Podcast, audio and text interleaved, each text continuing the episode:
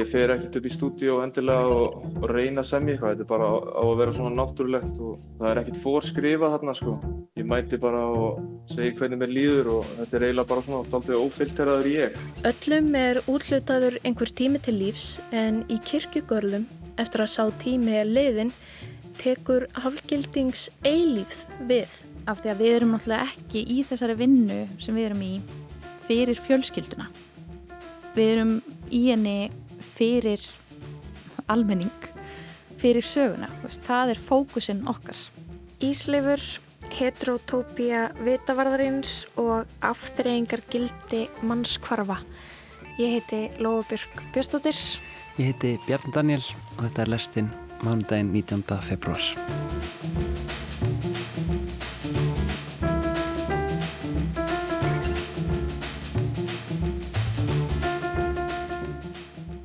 Hlutverk vitavarðarins og hugmyndir Foucaults um uh, heterotópíu verða til skoðunar hérna á eftir. Það verður Guðrún Úlvarsdóttir sem flyttur okkur pistil um þessar pælingar. Og svo ætlum við að heyra hljóðið í eh, ungum tónlistamanni, ísleifur, uh, rappari og pródúser og... Og, og töffari, mikill. Já, mikill töffari, já. Mm -hmm. Hann var að gefa út sína fyrstu plötu í síðustu viku. Plötuna þetta er ísleifur, þannig að við ætlum að fræðast um hanna hérna á eftir. En við byrjum annar staðar. Jú, við ætlum að byrja á hlaðvörpum. This is a Global Cal-Link prepaid call from Adnan Sayed. An inmate at a Maryland Correctional Facility. From This American Life and WBEZ Chicago, it's Serial, one story told week by week. I'm Sarah Koenig. Þetta er upphafstefið á Serial, hlaðvarpsþáttum sem að koma út árið 2014 og það er fjallaðum Mál Adnan Said sem að satt þá inni fyrir morðið á fyrirhandi kæristusunni Hai Min Lee, mögulega saklaus.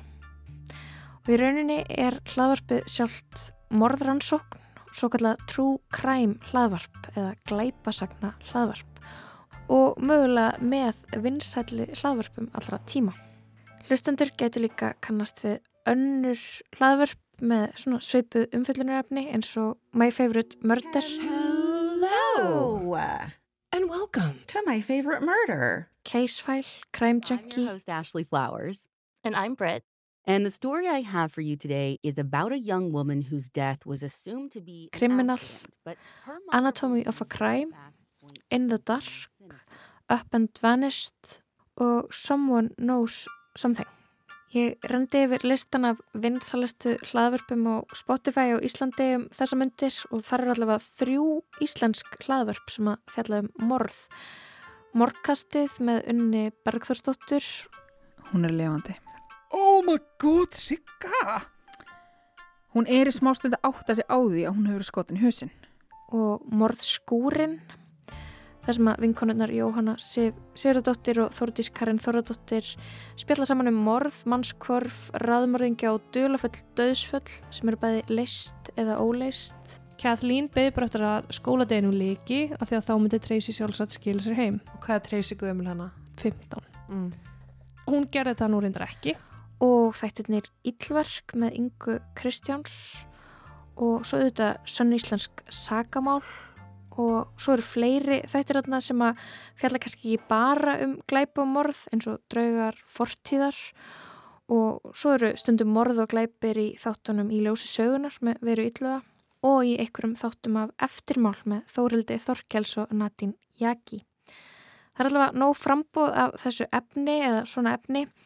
Kannski er það ekki alveg eins mikið í tísku það var fyrir einhverjum árum en það vil svo til að nú er ein ný seria í bígerð og ég er forvitin að vita hvernig skal gera gott trú kræm hlaðvarp og hvað byrja að varast. Ég heiti Anna Marsvill Klásen, ég er alltaf kallið Anna Marsi og ég er rítstjóri hlaðvarpa hér á Rúf. Fyrir um lestastjóri. Vissulega. Getur þú sagt mér, Anna Marsi, um, hvað ertu að gera akkurat núna? Ég er náttúrulega að gera mjög margt akkurat núna en uh, og svona mitt starf fælst í því að ég þarf að vera með rosalega marga bolta á lofti og ofta gera marga þætti í einu en við getum sagt það að síðasta síðustu tvær vikurnar að þá hef ég verið heltekinn af einu verkefni og það kannski verður ekkert lát á því að sem sagt rannsaka kvarf Jóns Þrastar Jónssonar sem að kvarf fyrir fimm árum síðan í Diblinni 9. februar 2019 Gott kvöld og velkomin í Kastljós. Kvarf Jóns Þrastar Jónssonar er enn óupplýst rúmum tveimur vikum eftir að hann kvarf sporlaust í Diblinni. Kastljós hafði samband við fjölskylduna fyrir helgi, fjölskylduna hans, og fekk að fylgjast með umfangsmikill í leið sem þau og írskir sjálfbúðarliðar skipulögðu. En írska lögreglan er... Og hér er Anna Marci í kvöldfyrirtum sjómarps síðastliðin förstu dag. Já, af hverju var síndilega settur aukinn kraftur í þessa leit? Já, það er áhugavert að segja aukinn kraftur því að það var bara engin kraftur í henni. Fyrir máli hefur já, leið svo til ósnert nema af fjölskyldu Jóns í rauninni síðan það hófst. Lögregla leitaði ekki formulega, það skipilaði ekki formulega leit heldur fjölskyldan sjálf þannig að þetta er í fyrsta skipti sem að lögregla formulega leitar að Jóni. Mm. Og núna í síðustu viku að þá komu fram nýjar vísmyndingar í málunu. Við höfum verið að vinna í þessu bara í marga mánuði og áttum ekki von á þessum nýju vísmyndingum það er kannski þess vegna sem að ég var heltekinn þessar tvær vikur. Og þeir eru að gera þetta, að gera þetta í samstarfi við, við Írska ríkisútarpið? Já, og það er rauninni bara algjör forsenda þáttana. Fyrir utan það að hugmyndin kemur frá Írska ríkisútarpinu eða öllu heldur frá Liam O'Brien sem er eh, eitthvað að segja með framlegandi minn að þessum þáttum. Eh, við erum tvö saman í þeim þó að teimið í kring sé og verði stærra. Við hittumst hér á ráðstefnu bara í fyrra útvarsráðstefnu, svona létt og skemmtileg og þegar að uh, já, við erum bara í mat með sko mjög mjög óvæntum eitthvað svona það sem að ég enda til borðs með ólapalla og einmitt þessum írum sem ég þekk ekki neitt og nefnandum mínum úr háskólanum og þegar ég kynni mig þá svona smellir hann fingri og bendur á mig. Af því að Líam var búin að ganga með hugmyndina að því að gera hlaðvarstáttaröð um hvarf Jóns Strastar sem hann kallar Ján Jónsson Þannig að þetta er alveg frett í, í Írlandi líka og eitthvað sem hann var Já. búin að pæli í. Líam uh, tók eftir hvarfina á sínum tíma. Þetta var uh, fór alveg hátt í írskum fjölmjölum en það voru þá, og sérstaklega sískin Jón sem fjölskyldan auðvitað, ofbóðslega dugleg við að koma sér á framfæri og óska eftir upplýsingum frá almenningi. Og já, þannig að Liam hafði tekið eftir þessu. Mm. hann hafði punktað hjá sér Jón Jónsson. Hún er fast nafnið líka eitthvað svona Ján Jansen, hún er fast svo ofinnilegt mm. sem er gaman því að það er það þetta alls ekki uh, hér á landi. Já, hann hafði punktað þetta hjá sér og alltaf verið að leita að leið inn og átt að segja á því að lokum að hann myndi aldrei geta framleitt þetta hlaðvarp án þess að fá sagt, einhvern með sér frá Íslandi. Hann eiginlega seldi mér að þetta væri saga þess virðið að segja. Og hann þurfti vissulega ekki að vinna mikið í því að selja með það. Mér fannst þetta mjög augljóst mál fyrir, fyrir íslenska hlustendur. Mm -hmm. Sagan af Jóni Þresti. Mannskvarf já, mannskvarf en líka akkurat bara þetta er, veist, þetta er Íslendingur, þetta er fjölskyldusaga sem hefur ekki verið, verið sög til hlítar og þetta er eitthvað sem við þú veist, þetta er minna, þetta er, þetta er einn af okkur einhvern veginn að þá auðvuslega munu Íslendingar hafa áhuga á því. Jáfnvel þótt að við finnum ekkert nýtt að þá er bara eitthvað nýtt í því að heyra fjölskylduna að tala um þetta fimm árum setna en Líam hann var alveg vissum það að við myndum finna eitthvað nýtt. Hann er mjög reynslu mikill útvarsmaður og ja, reyndar hlaðvarsmaður í dag. Hann er svona reynir að fjarlægast útvarpiðinu sko. En hérna já, hann, hann hefur farið inn í mörg kannski ekki svona mál en áþekkumál og hann hefur nefn fyrir því hvenar er já, hægt að finna eitthvað meira. Og það er svo sannlega hægt í þessu máli. En þeir að gera trúkræm hlaðvarp, eða hvernig þið er það á íslensku? Glæpa sagna hlaðvarp? Eða, já, ætlum maður myndi ekki segja eitthvað svo leiðis. Á sama tíma þá auðvitað þegar við hófum standa var bara alls ekkit ljúst að það væri glæpur í þessari sögu. Nei, ok. Það er horfin maður og það eru þrýr möguleikar. Annarkvort að þá let hann sig hverfa uh, með því að bara fara, fara úr landi eða fara hulti höfði einhver staðar eða þá að hann aftur let sig hverfa uh, með því að taka eigið líf eða að einhver annar letan hverfa. Þannig að í byrjun, þegar við byrjum að taka upp hér á landi, uh, þá, þá er það svona þessi, þessi þrýr möguleikar sem við erum að skoða og, og en núna að þá og fyrir kannski svolítið síðan þá erum við komið niður á, á það að nei, við erum sannlega að gera glæpa hlaðvarp því að okay. það eru mjög fáir ef einhverjir eftir núna í kjölfar þessara síðustu vikna á mánuða sem að trúa því að, að hann hafi já, látið sér sjálfur hverfa.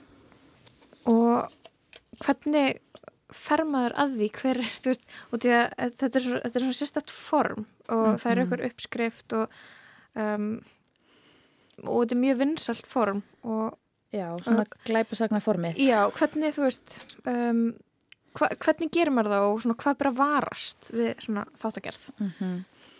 Þannig að eru margar ólíkar leiðir inn í sögur og eitt af því sem að við hér á Rúf þurfum alltaf að hugsa um er ábyrð okkar gagvart almenningi og hlustandanum og uh, því að taka ekki, taka ekki málunum einhvern veginn á léttvegan hátt. En það eru auðvitað til fullt af hlaðvörpum sem að gera það og þú veist, ég meina, maður getur nefnt eitthvað eins og My Favorite Veist, það bara er í titlinum og það, þar er fjallað um alvarlega hluti bara eins og það sé skemmtilegt Já, og afþreying Akkurat mm -hmm. og, hérna, og við þurfum einhvern veginn að reyna að nálgast það efni sem við gerum með það í huga að það þarf að vera áhlýðilegt og áhugavert en það, það verður að haldast réttu megin við mörkin og af hverju eru við að gera það? Við erum ekki að gera það til þess að það sé skemmtilegt við erum ekki að gera það veist, við erum ekki að gera þetta hlaðvarp til þess að búa til afþreyingu. Við erum, að, við erum að gera þetta hlaðvarp af því að þetta er saga sem skiptir máli. Um, en ábyrð okkar er veist, og, og núna síðustu bara vikur hafa verið mjög flóknar fyrir mig sem dagskvíramann mm. Um, svona tilfinningarlega meðal annars af því að af því að við erum náttúrulega ekki í þessari vinnu sem við erum í fyrir fjölskylduna við erum í henni fyrir almenning fyrir söguna, veist, það er fókusin okkar. Uðvitað er það sem við gerum eitthvað sem hefur áhrif á fjölskylduna og hjálpar fjölskyldunni vonandi en á sama tíma þá, já, okkar, okkar ábyrð er gagvart sögunni og gagvart, já, þar á leiðandi meiri gagvart jóni en gagvart fjölskyldunni sjálfri. Það er einhver píramidi í þessu og mörkin verða mjög oft óljós og maður þarf einhvern veginn alltaf að vera að tekka inn hjá sjálfum sér hvort að maður sé að vinna faglega, hvort að maður sé að gera hlutina rétt.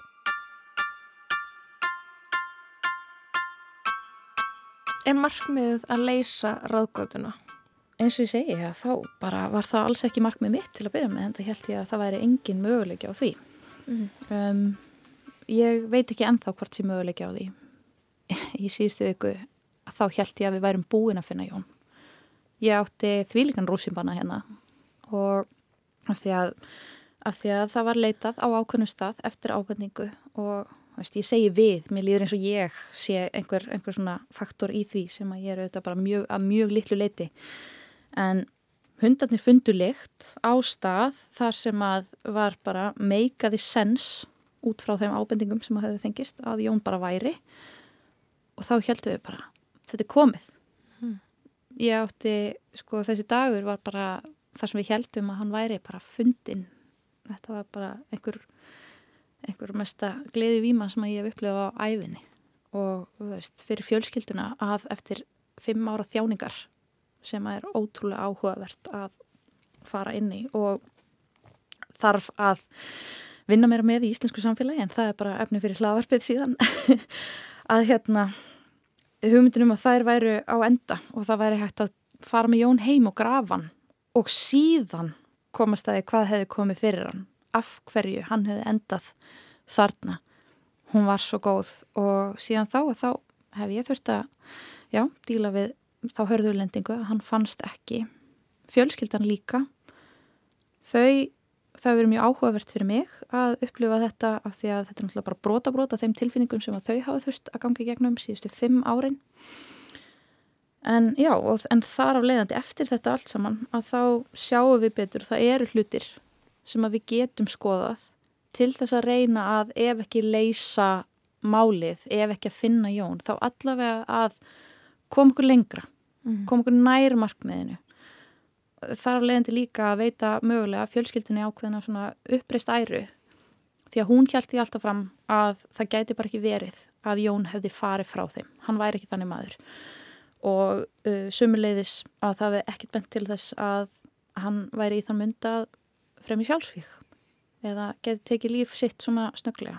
Og já, þannig að það er, þú veist, ég held að séu margar leiðir til þess að leysa málið án þess að bókstaflega finna Jón eða þann sem að mögulega vann honum einn. Og því er að hugsa um mm, það gerist alveg að það eru framleitar eh, heimilda þáttaræðir eða hlaðvarstserjur þar sem það eru óleist morðmál eða já, óleisti glæpir og um, bara það að byrja að búa eitthvað svona til setur á stað einhverja atbyrðarás í domskerfinu eða hjá lauruglunni eða eitthvað starf uh, mjög frækt dæmi en alltaf bara serial hlaðvarpið mm -hmm. það sem að uh, svona fyrsta stóra svona hlaðarpið 2014 þannig að er þetta að gerast? Er, er bara ykkar sjálfstæða rannsókn í rauninni á þessu máli að hafa áhrif hún út er, í raunveruleikanum? Já, hún er að hafa áhrif. Við vitum auðvitað ekki hversu mikil fyrir en bara, já það veist, ég menna við spyrjum að leikslokum sko, en hún er klálega að hafa áhrif og hún er að, er að hafa þau áhrif að lauruglan upplifir að það sé meiri áhuga á málinu, upplifir aukna ástöðu til þess að fara inn í að rannsaka það og svo er tímasetningin á þessum ábendingum mm -hmm. uh, hún, hún er þannig að, að það er líklegt að hún tengist okkar vinnu við málið það eru þetta bara ótrúlega ótrúlega sorglegt að það sé það sem að þurfi til en það er mál og það er þess vegna sem að fjölskyldan samþykti að taka þátt í þessari hlaðurserju Út af því að það myndi auka líkunar á eitthvað færa hreyfast. Meina, þetta, er, þetta er bara síðasti sjens. Síðasti sjens á því að geta ítt við einhverju er að, veist, að þessum tímaliðnum að uh, það fá verði til einhver svona stór fjölmjöla umfjöllun sem að í þessu tilvikli er náttúrulega ásýst að bæði á Írlandi og á Íslandi og verður á miklu leiti á ennsku og þannig getur það meira sér dreift sér um Evrópu. Mm sem að, já, sem að getur ítt við einhverju. Á sama tíma þá er þetta eitt af því sem ég lagði upp með í þessu og, og sagði við þau og, og ég held að mörgum í fjölskyldunni hafið þótt skiptamáli er að við erum ekki bara að segja söguna af hvarfi Jóns. Við erum líka að bara mála mynda af Jóni sem mannesku af því að hann var manneskja veist, og það er það sem það er þarf að hafa að leðaljósi. Mm -hmm. Fólk sem að verður fyrir glæpum eða þú veist fólk sem er myrt það er samt meira en bara það sem kom fyrir það mm -hmm. veist, Jón er ekki bara kvarfið þannig að þegar að við hér á rúf allavega uh, gerum svona efni sem við höfum reyndar ekkert gert mikið af. En þá er það mitt markmið sem hlaðvar sýðstjóra að við gerum það alltaf með mennskuna að leðljósi, fyrst og fremst. Mm. Og þannig vonandi komist við hjá því að já, bara falla í ymsa gildur sem að geta orðið á veijumanns. Ég veit, ég voru að hugsa um út af því að hérna mm, í hlaðvarps og útarskerð, þú veist, þetta er þetta er vinsalt efni og svona skotthald efni og glæpa þættir og oft ofalega á svona vinsaldarleistum um, en það er um, þetta þykir kannski ekki vera merkilegasta efnið mm -hmm. af svona uh, útdarspælurum sem að þarna hafa fengist við dagsrágerð í áratögi. Mm -hmm. Það er svona ákveðni fordamar eða svona, já, fordamar eða eitthvað gagvart svona þáttagerð. Þannig að veist þú af hverju? Hver, þarna, hvað er það svona sem að Já. Já, fólki finnst það ekki alveg nú flott við þetta. Það er náttúrulega eh, sko tvent í þessu. Það er annars vegar að meðal vinselstu hlaðvarpa heims eru bara mjög lítið unnin glæpa hlaðvarp. Þar sem að fólk er í grunninn að bara googla upplýsingar, lesa beint af Wikipedia og þú veist, og gera aftreyingu úr því. Þannig að þetta er svona Þetta er svona mjög einföld framleiðsla sem að veku vinnseldir og ég held að útvarsfólki sem er svona vanta verðingu sinni og, og þykir merkilegra þegar maður er að, þú veist, svona leggja ákveðin metnað í einhverja vinslu og, og, og bakvinslu og þannig því finnst bara hreinlega bara svolítið sárt þegar að svona einfaldari þættir uh, já, koma fram og fyrir utan það við vitum auðvitað að svona einföld vinsla á svona þungum málum getur valdið bara miklum skada og sásöka innan, sagt, innan fjölskyldna þeirra sem að koma málunni við. En svo er það auðvitað hitt, þetta, þetta höfðar til okkar legstu kvata, okkar allra legstu kvata. Þannig að það er svona kannski stærsta ástæðan fyrir því að svona hlaðverf eiga ekki upp á pallborðið almennt hjá fólki sem að, já, sem er svona kannski atvinnumenn í, í útvarsmennsku og kannski aðeins snobbaðri fyrir henni. Um, en Þa... þar er líka akkurat þetta sem að þarf að horfa á, bara eru við að gera þetta til þess að fá hlustun, eru við að gera þetta til þess að höfða til lagstu kvartana, ætlum við að setja inn einhver svona gori details, einhver svona, einhver svona ógisleg smáatriði sem eru óþægileg og, og, og skipta ekki máli fyrir söguna en aftur á móti eru líkleg til þess að fá deilingar á samfélagsmiðlum eða fá fólk til þess að líða, já, þú veist, fá, fá hennan svona, svona voyerisma fram, sko. Gæju þörfina. Gæju þörfina, takk. Mm -hmm. Já, og, og það er auðvitað bara eitthvað sem við, við líam erum í stanslýsu samtali um hvernig við erum að vinna hlutina án þess að gleima okkur sjálfum líka í gæju þörfinni af því auðvitað kemur upp eitthvað svona þar sem maður, veist, þar sem maður finnur eitthvað sem maður er eitthvað einn svona, oh, já, wow, wow en bara það er, en er einhver ástæði til þess að það þurfi að koma fyrir almennings eða er það eitthvað sem að í rauninni skiptir máli? Mm. og, og bara, já en, en það er líka þess vegna þegar maður ætlar að vinna svona efni að þá er það er svolítið svona tvískipt. Annarkvært getur gert það mjög rætt beint af Wikipedia eða þá að þú þarfst að taka þér mjög langan tíma í það. Og það hljóma kannski uh, stundum þegar uh, hérna, maður er að, að tala um þessi þætti sem eru bara kveikja á mæknum og rúla og ekkert klift, ekkert unnið mjög lítil rannsóknarvinna eins og maður sé einhvern veginn að rauna yfir þá þætti en þeir geta bara verið bara mjög fínir út af fyrir sig. En aftur á móti að þá á ríkismiðlum sem að sækja eh, svona sitt umboð og fjármagn til almennings að öllu eða einhverju leiti að þá höfum við auðvitað, tíma og, já, og peninga til þess að gera hlutina aðeins öðruvísi mm. og í þessu tilviki að þá gerum við að talsvört öðruvísi og tökum mjög langan tíma í þetta. Þetta er, þetta er langt, langt ferðalag og því er hvergin er lokið. Því að við ætlum í fyrsta lega að gefa út Já, kannski oktober, nógumber á þessu ári.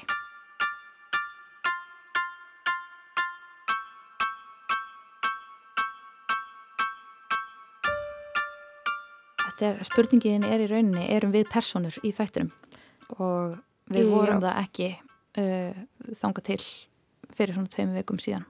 En síðan að þetta verða þessar vendingar með þessar ábendingar sem að er bara að öllum líkindum tengjast okkar vinnu og þar af leiðandi að þá eru við allt í einu orðin personur í sögunni þannig já, sko það er allt óákveðið, mm -hmm. við mhm. erum ekki byrjuð að setja neitt saman, við erum bara ennþá í rannsóknarvinnu og taka viðtöl mm -hmm. en ég gerir sterklega ráð fyrir því að það sé bara óumflíjanlegt að, jú, að sjálft upptökuferlið verði hluti af sögunni í hlaðvarpinu um, Er þetta, er þetta mikið öðruvísi heldur en önnur hlaðverf sem þú gerir? Þetta er náttúrulega þetta er bæði allt öðruvísi og voða eins. Þetta er, þetta er langstæsta verkefni sem að ég hef farið út í uh, flesti klukkutímar af uppteknu efni lengsti tímin þingsta vinsland tilfinningarlega og síðan bara efnislega sko. Það verður, það verður rosalega erfitt þegar kemur að því að, að stilla upp sögunni sjálfri. Mm. um, ég náttúrulega hef gert veist, ég held að uppáhaldstáttaröðin mín sem að ég hef gert sé þáttaröðin ástarsögur sem að er á soldið öðrum nótum. En á sama tíma þá eru það sögur og í grunninn að þá er þetta saga með upphaf, miðju og vonandi endi þó að hann kunni að vera óskýr og það er það, er það sem að svona lang flest af minni vinnu allavega þeirri sem að mér finnst skemmtilegust á samínlegt það eru sögur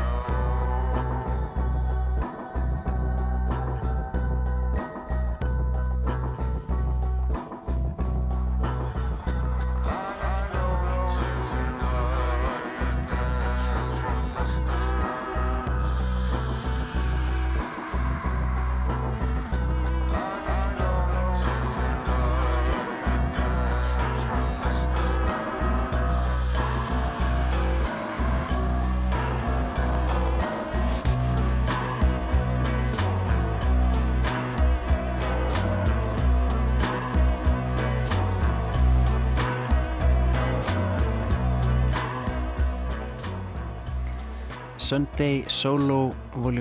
3 þetta er hljómsdinn Mukka Ég rætti þarna við hana önnu Marsabell Klausen um uh, True Crime hlaðverp um, ég anþá eftir að finna goða þýðing á því mm. sannsöguleg glæpa hlaðverp eitthvað svo les, Já, eitthvað svo les. Þarna uh, við ætlum að fara í alltara átt og gefa Guðrunu Ulfastóttur pislahöndi orðið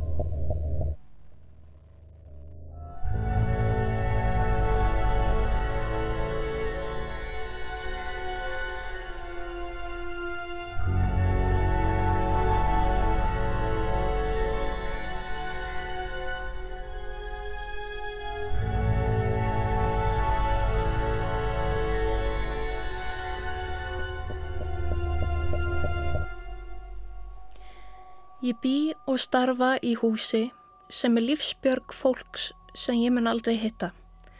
Ég er vitavörður. Vitin sjálfur er ekki áreistur eins og vitar eiga til að vera en hann stendur og höfða sem gnæfir yfir landslæginu í kring. Beggja vegna höfðans eru langar svartar strendur sem áganga kröftugar öldur og í klettunum er krökt af sjófuglum. Lundar grafa sínar hólur í grónum hlýðunum og fílar og ritur sækja í þvernifta bergveggina. Efst á heimili mínu er ljóshúsið og þegar myrkvar kviknar á lampanum og vitin fyrir gang. Í vitanum er snúningslinsa og tíu sekundna fresti fer hún fyrir lampan og dauð byrtan af honum markvaldast. Þetta er sterkasta vitalinsa á landinu og hún varpar geyslum lampans langt út á haf og vísar sæfarandum til vegar. Nú orðið þarf lítið að gæta vitans með að við það sem áður var því að hann kveikir og slekkur á sig sjálfur með þar til gerðum byrturofa. En þrátt fyrir alla sjálfvirkni þá verður að sjálfsögðu að gefa vitanum auga og fylgjast með því að allt sé eins og það á að vera. Vitin hefur logað samfleitt í meira en hundra ár að undanskildum hásumrum til ómetanleg skags fyrir alla þá sem um höfin fara. Vitar eru að mörguleiti fyrðulega byggingar með afmarkað hlutverk og ofstanda þeir á afskektum stöðum. Meira segja var viti eitt af sjö undurum veraldar. Hann stóð við höfn borgarinnar Aleksandriu í Egiptalandi og leiðbendi þeim sem sildu um miðjararhaf inn í höfnina. Þegar hann var reistur Þremur öldum fyrir Krist var hann næst hæsta mannverki jarðar eða um 100 metra hár. Ég minni hlustendur á hérna sér íslensku lengdarmæli einingu til viðmiðunar, Hallgrímskirkju, sem er um 75 metrar.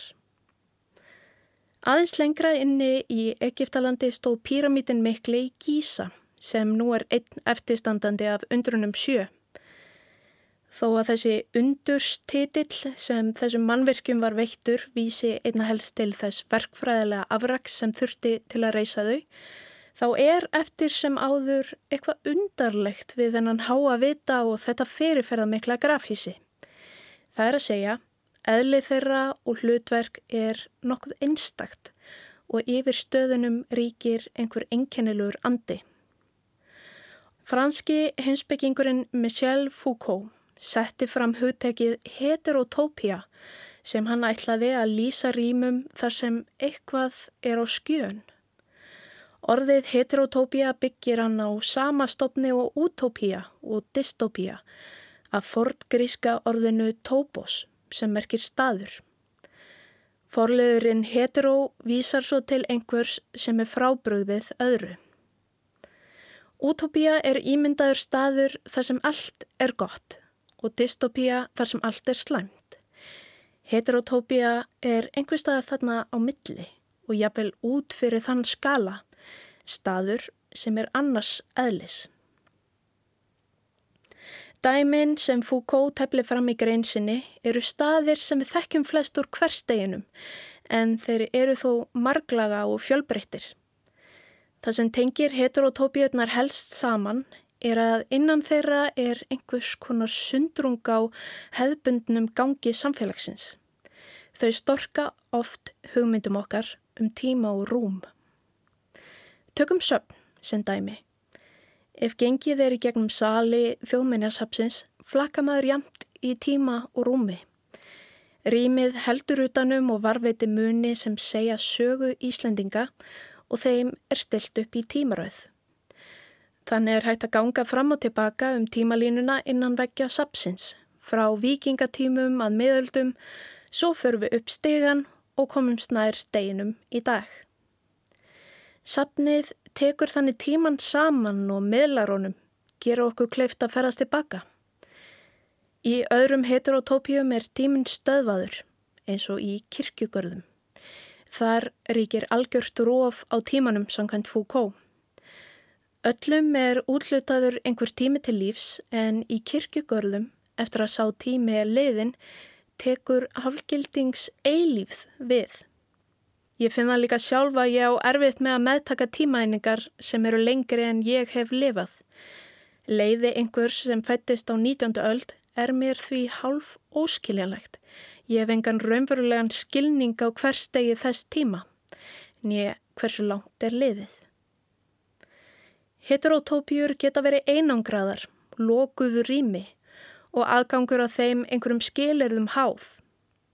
Taka þarf jáfnvel þátt í einhvers konar aðtöfn til að fá ingöngu, hugsið um sábumanns skiltið í baðklefum sundluga. Vinsanlegast þóið yfir vandlega án sundfata áður en gengið er til laugar. Í öðru tilfelli geti manneskja verið nöðbeigð til að fara inn í rýmið líkt og í fangelsum.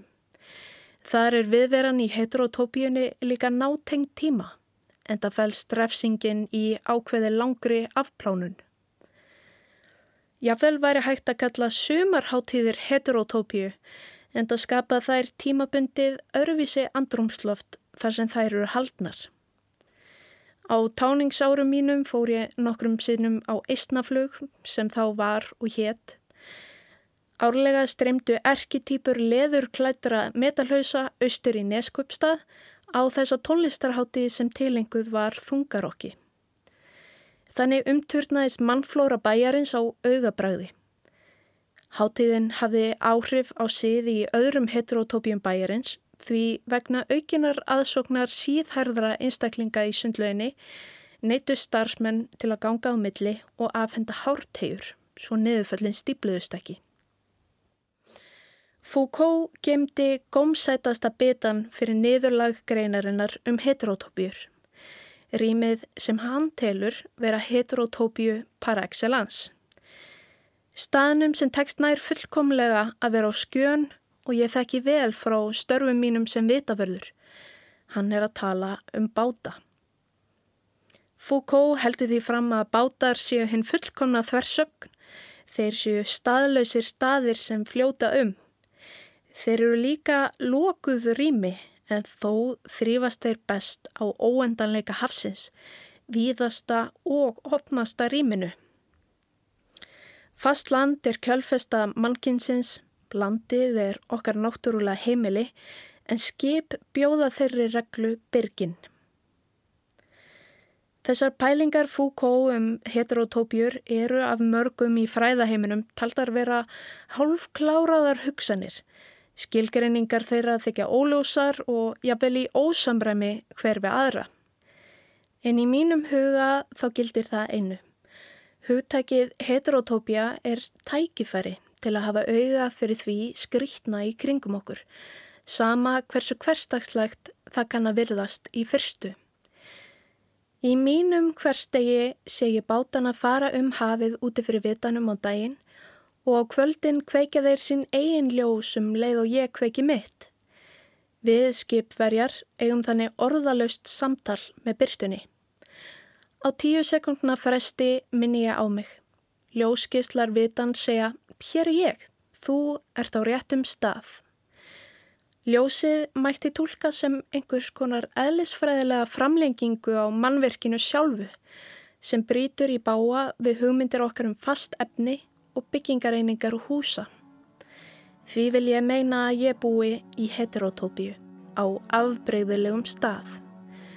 Og hér unni ég hag mínum vel í þessari undra veröld sem er bara mín og fugglana og ljósins.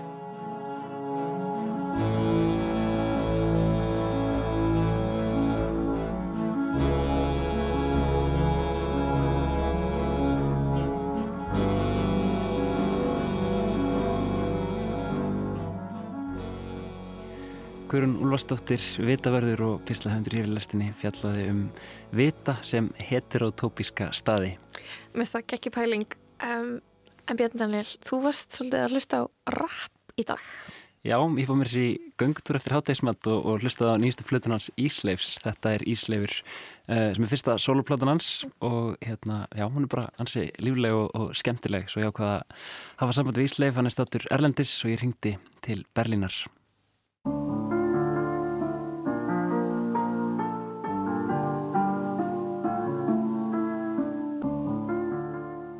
Hæ hæ, ég heiti Íslefur, Íslefur Eldur Ídljóðsson, undir tónlistarnafninu Íslefur. Var að gefa út plötu senasta postu dag sem heiti Þetta er Íslefur.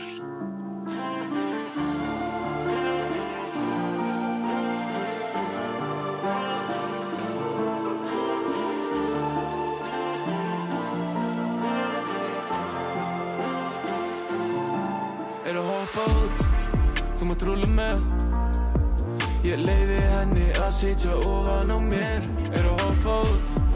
Þú maður rúla með. En segðu mér þú satt ekki ljúa að mér. Er að hoppa út.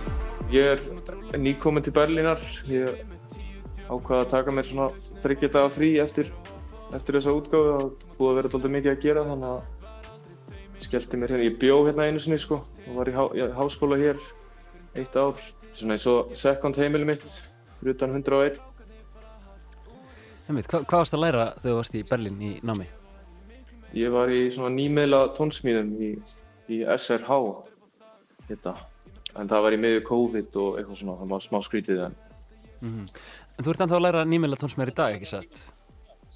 Jú, ég er að útskrifast úr LHI bara núna í mæ í nýmjöla tónsmjöðum þannig að ég tók bara, já, það tók bara við eftir ég eftir ég kláraði hérna í Berlín Einmitt, hvernig finnst þér, hvernig finnst þér svona námið þar á, á tónlistadeildinni í LHI svona tala við þína tónlistasköpun finnst þér þetta eiga mikla samleið, er, er pláss fyrir svona fyrir, fyrir uh, hip-hop í, í, í þessu umhverfi? ef ég á að vera alveg brútal í hreinskilinn þá eh, finnst mér ekki rosalega mikil samleið þar á milli en það er kannski mál, setni tíma mál að fara eitthvað, fara eitthvað út í það. Það er margt sem þarf að bæta það upp í, í LHI, það er bara, það er bara dálítið staðan. Mm. Hver er helst, þeir eru að gera sitt besta. Hver er helst ábútafand? Aðstæðan og uh, bara fókusinn á náminu finnst mér sko. Mm -hmm. Hvað er svona, hvað er verið að fókusa sem að þú ert ekki að fýla? Mér finnst bara að það mætti vera meiri sköpun. Fyrstaklega þetta heitir nýmiðla tónsmíðar. Bara ekki nóg endilega verið að fókusa á að maður eigi að vera að skapa eða að fókusin sé ekkert endilega alltaf þar. Einmitt, meira á einhverju svona tækn, tæknilegu þá eða, eða... Já, tæknilegu og jafnvel bara einhver fræðilegu, fræðilegu stöfi sem að kannski nýtist mér sjálfum ekki í stúdíónu þegar ég er að reyna að semja. Okay. Ok,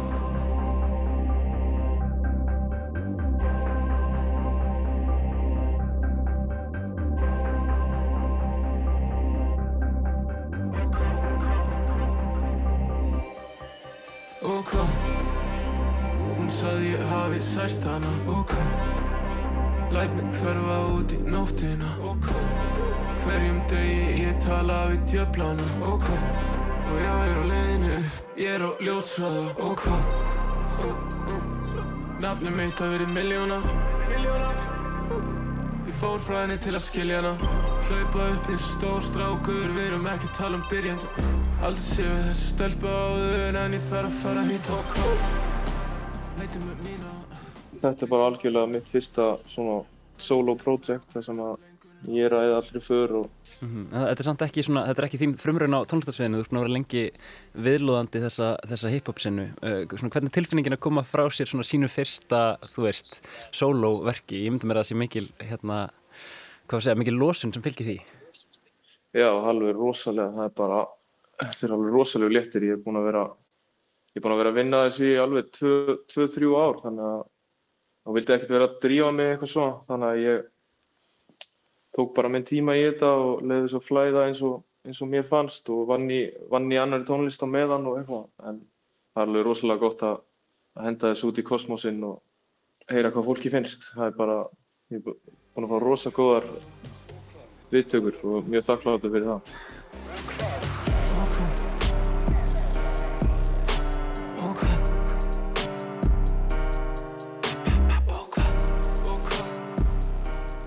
Platan fjallar uh, ímyndst bara sem hefur gengið á í mínu lífi en veitir að mestu bara einsinn inn í tilfinningarlífið mitt.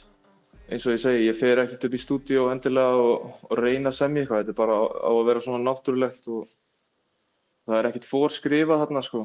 Þannig að þetta er bara svona, ég mæti bara og segi hvernig mér líður og þetta er eiginlega bara svona daldið ófilteraður ég, myndi ég að segja. Mm -hmm. Það er mikið að þungum tilfinningum. Já, það má alveg segja það. Mér finnst það bara, það er frábært að geta, geta að tala um það í tónlistinni og það hefur hjálpað mér mikið. Mm -hmm. Það er nú ekkert endilega svona á kannski hverjum degi sem maður sér sko rappara og kannski sérstaklega að þú veist karlmenn í, í rappi tala svona af hérna opnum hug einhvern veginn og opnum hjarta um, um sínar þingstu tilfinningar. Finnst þér einhvern veginn, finnst þér stundum erfitt að opna á þetta í, inn í þessu formi sem er oft svona, svona, macho og, og þú veist, það er ekkert endilega hérna hvart til þess að menn sé að opna sig sko um sínar dimmustu og þingstu tilfinningar í, í, svona inn í þessu formi, í þessum heimi. Nei, einmitt, það er, það er bara eitthvað sem að mér langar að stuðla að breytist.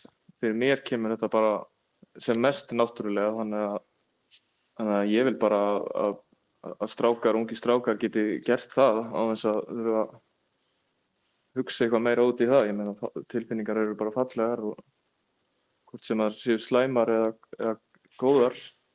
Og það er ekkit betra en að tjá sig þannig að það er svona líka eitthvað sem ég var að vonast til að fólk tæki út úr, út úr einhverju af þessu þungastöfi sem er hann á plötunni.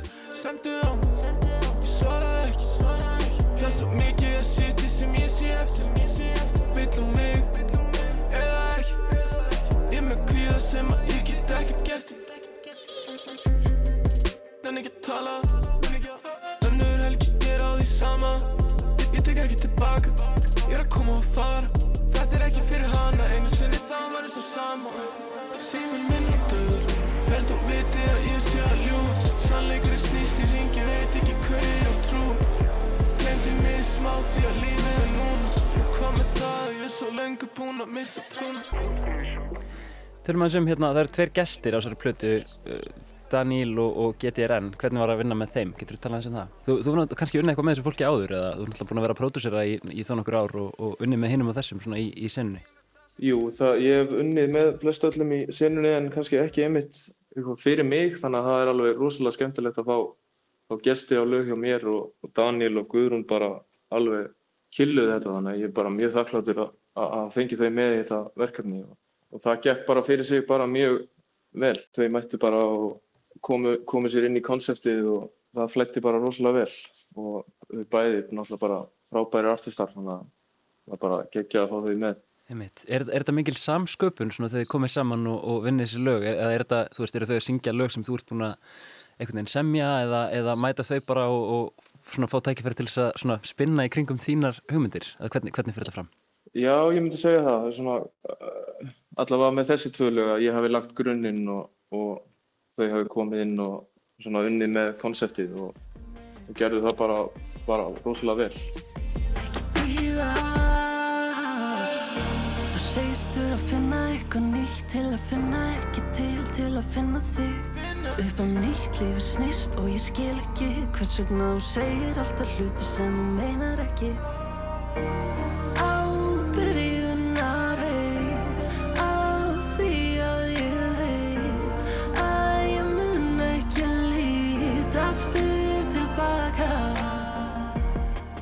Ég er náttúrulega verið að pródúsera mikið og lengi og komist þá í kynni við aðra helstu pródúsera, Íslands og mér fannst bara ekki annað hægt en að fá, fá alla mína bestu menn með, með mér í þetta og þó, þó að ég hafi kannski samið flestu grunnana þá, þá, já, þá langaði mér bara smá að assemble the Avengers og leifa nokkrum góðum pródúserum að kíkja á þetta með mér. Það á meðal bara Banger Boy, Martein, Na Young Nazareth sem við þekkjum allir úr Sturla Atlas og, og fleira og svo er ég með bara fullt af góði fólki hérna. Fríó, og svo nýjir pródúsera líka T1 sem, sem pródúsera Bossed Up og Andri Andri félagi minn hérna á Rari Boys og náttúrulega Glazer frá Akureyri sem er rosalegu líka þannig að ég bara ég get ekkert gert allt einn en ég vildi endilega fá álit áður en ég fór og allavega og kláraði þetta Er einhver lög eða þú veist eða einhver augnablikja vel bara á, á þessari plötu sem að eru hvað ég að segja sem að breytust mikið eftir að þú fegst eins og segir einmitt utan að komandi eiru til þess að skoða þetta með þér? Ég myndi segja að það væri svona eins og lím þegar ég fekk hérna þess að pródúsera með mér. Allt hafi bara einhvern veginn svona smelt saman eins og skiptingar á lögum eins og úr Eitravík inn í og hvað.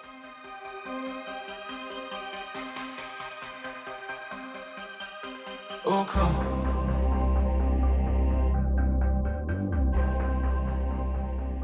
var eitthvað sem að gerðist já, með mér og Martin, Banger Boy og seinasta lagi þegar allir eru farnir, ég fekk Nazareth með mér í það.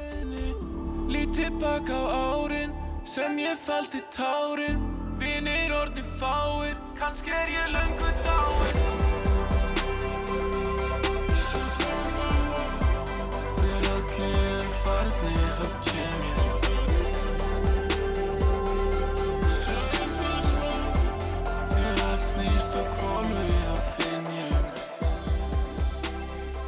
Og það bara stækkaði, stækkaði lagið gífurlega mikið. Þannig að já, ég myndi svona líka þessu við lím kannski, alltaf við bara svona límst saman og, og, og þetta varð eiginlega ekki svona cohesive piece fyrir það, myndi ég segja. Þa, það eru margir stílar finnst mér í gangi á þessari plötu. Þú, svona, þú sækir alveg í, þú veist, bara alveg grimmasta trappið, svo er líka, svo er líka smá svona 90's callback þarna í einu læginu það, ég held að það sé, hérna, lægi sem Daníl er með þér á. Um, og svo, svo lög sem að minna á svolítið svona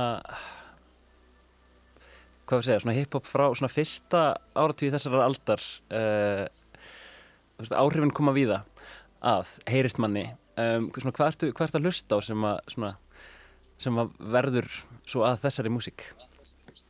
Sko, ég er alveg rosalegur future aðdáðandi þannig að það er kannski spilar stórt inn í um, en svo hlusta ég bara á allt sko hvort sem það er Bob Dylan eða Leonard Cohen og klassísk tónlist en þú veist ég er náttúrulega var að mótast mikið í þessari rap-bylgju 2015-16 þannig að ég vil líka meina að sé influence þarna frá bara Aroni Kahn og Flóna og, og Sturla Atlas jafnvel þannig að en já, ég sammála því að þetta er kannski ekki pjúrasta hip-hop plata í heimi, hún fer alveg í víðar áttir en kannski svona grunnar sig í, í þeim tælingum. Einmitt, einmitt. Klassísk tónlist, fólk, eins og þú nefnir hérna Leonard Cohen. Einmitt. Svona, hvernig, hérna, svona, hvernig vinnum maður með, með svona áhrifavalda þegar maður er að búa til þú veist, trapplög? Það er rosalega góð spurning, sko. Ég veit það ekki, kannski bara svona tilfinningin meina ég þá. Kannski frekar en soundið eða svona pjúrleikin einhvern veginn. Og líka bara þetta að vera ekki hrettur um að semja tónlist um þungar og erfiðar tilfinningar. Því að það er oftast það sem ég finnst lifa lengst og, og best. Þannig að þegar fólk er að semja eitthvað út frá hjartanum en ekki að flækja einhverju fleira, fleiru inn í þetta. Mér langar að þess að tala um svona, svona umhverfið í, í kannski sérstaklega hip-hop senunni núna um þessar myndir. Þú náttúrulega svona kemur kannski inn í þessa senu svolítið þegar þú ert í mentaskóla eða ekki satt og þá, þá er einhvern veginn svona þessi, þessi rappbilgja sem hefst þarna upp á 2015 svona, svona á ákveðnum hápunkti kannski. Um, svo hafa, hafa hérna svo hefur fólk talað um að, að þessi sena hafi verið svona á, á einhvers konar niðurleið jafnvel síðan þá eða, eða svona þú veist það var svona aðeins dreyið úr kraftinum. Svona, hvernig blasir þetta við þér núna árið 2024 já næstu í tíu árum eftir að þessi sena svona að þessi bylgja fer á stað hvernig, hvernig er staðan og stemmingin? Ég held að stemmingin sé bara rosalega góð sko. Ég held að þetta rap uh, sé döitt dæmi hafi kannski farið aðeins overboard. Ég meina það eru fullt af artistum allavega sem ég veit sem eru að fara að gefa út rosalega góð rap í ár þannig að ég yngar á að gera af rapinu í ár sko. En nú er þessi plata komin út, hún hefur litið dagsins ljós þín fyrsta soloplata, hvað tekur við? Heyrðu, það er allavega, við skulum byrja á, á útgáðutónleikum þeir eru alveg þeir eru í vinslu og verða tilkynntir á næstu dögum Og hvað getur fólk fylst með eða hefur huga á að, að splæsi með á útgáðutónleika? Það er bara á Instagram eða TikTok, jafnvel á Facebook. Svo er platan náttúrulega gefin út af, af Sticky Records, þannig að það er líka hægt að fylgjast með og fólk vil vera með puttan á púlsunum. Íslaugur, takk fyrir komuna í lestina og til lukku með plötuna þína. Þetta er Íslaugur. Takk kærlega fyrir það. Takk innilega fyrir að fá mig.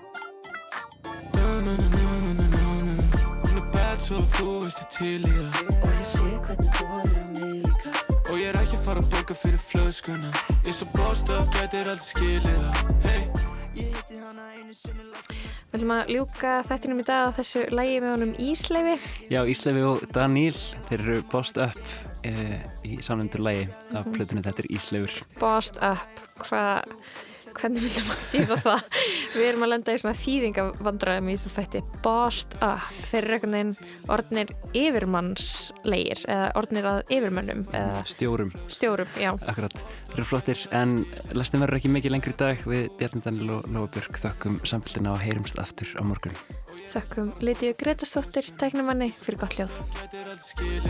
Hey, segist hata mig en ég veit ekki. Ég vil engi leðandi, ég lappandinn og klúpin eins og ég sé fokkin eigandinn. Hver er þú að segja shit, ekki mig. Hata að vera brókið, þurft að hlaupa þennan pappir Ég lit hana með svo vatni Ég holst upp í trappi Þekkja ekki mig en ég veit að þekki nafni. Hitti hana upp, bara bæta henni í safni. Ég veit ég er á undan er að býja eftir þið fatt Hún er bad svo þú veist þið til í það. Hún er bad svo þú veist þið til í það. Og ég sé hvernig þú er mig Og ég er ekki að fara að borga fyrir flöskuna. Ég svo bost up, gætir aldrei skilið það. Hey bad svo þú veist þið til í það. Og ég sé hvernig þú er um mig líka. Og ég er ekki að fara að borga fyrir flöskuna. Ég svo bost up, gætir aldrei skilið það. Hey bad svo þú veist þið til í það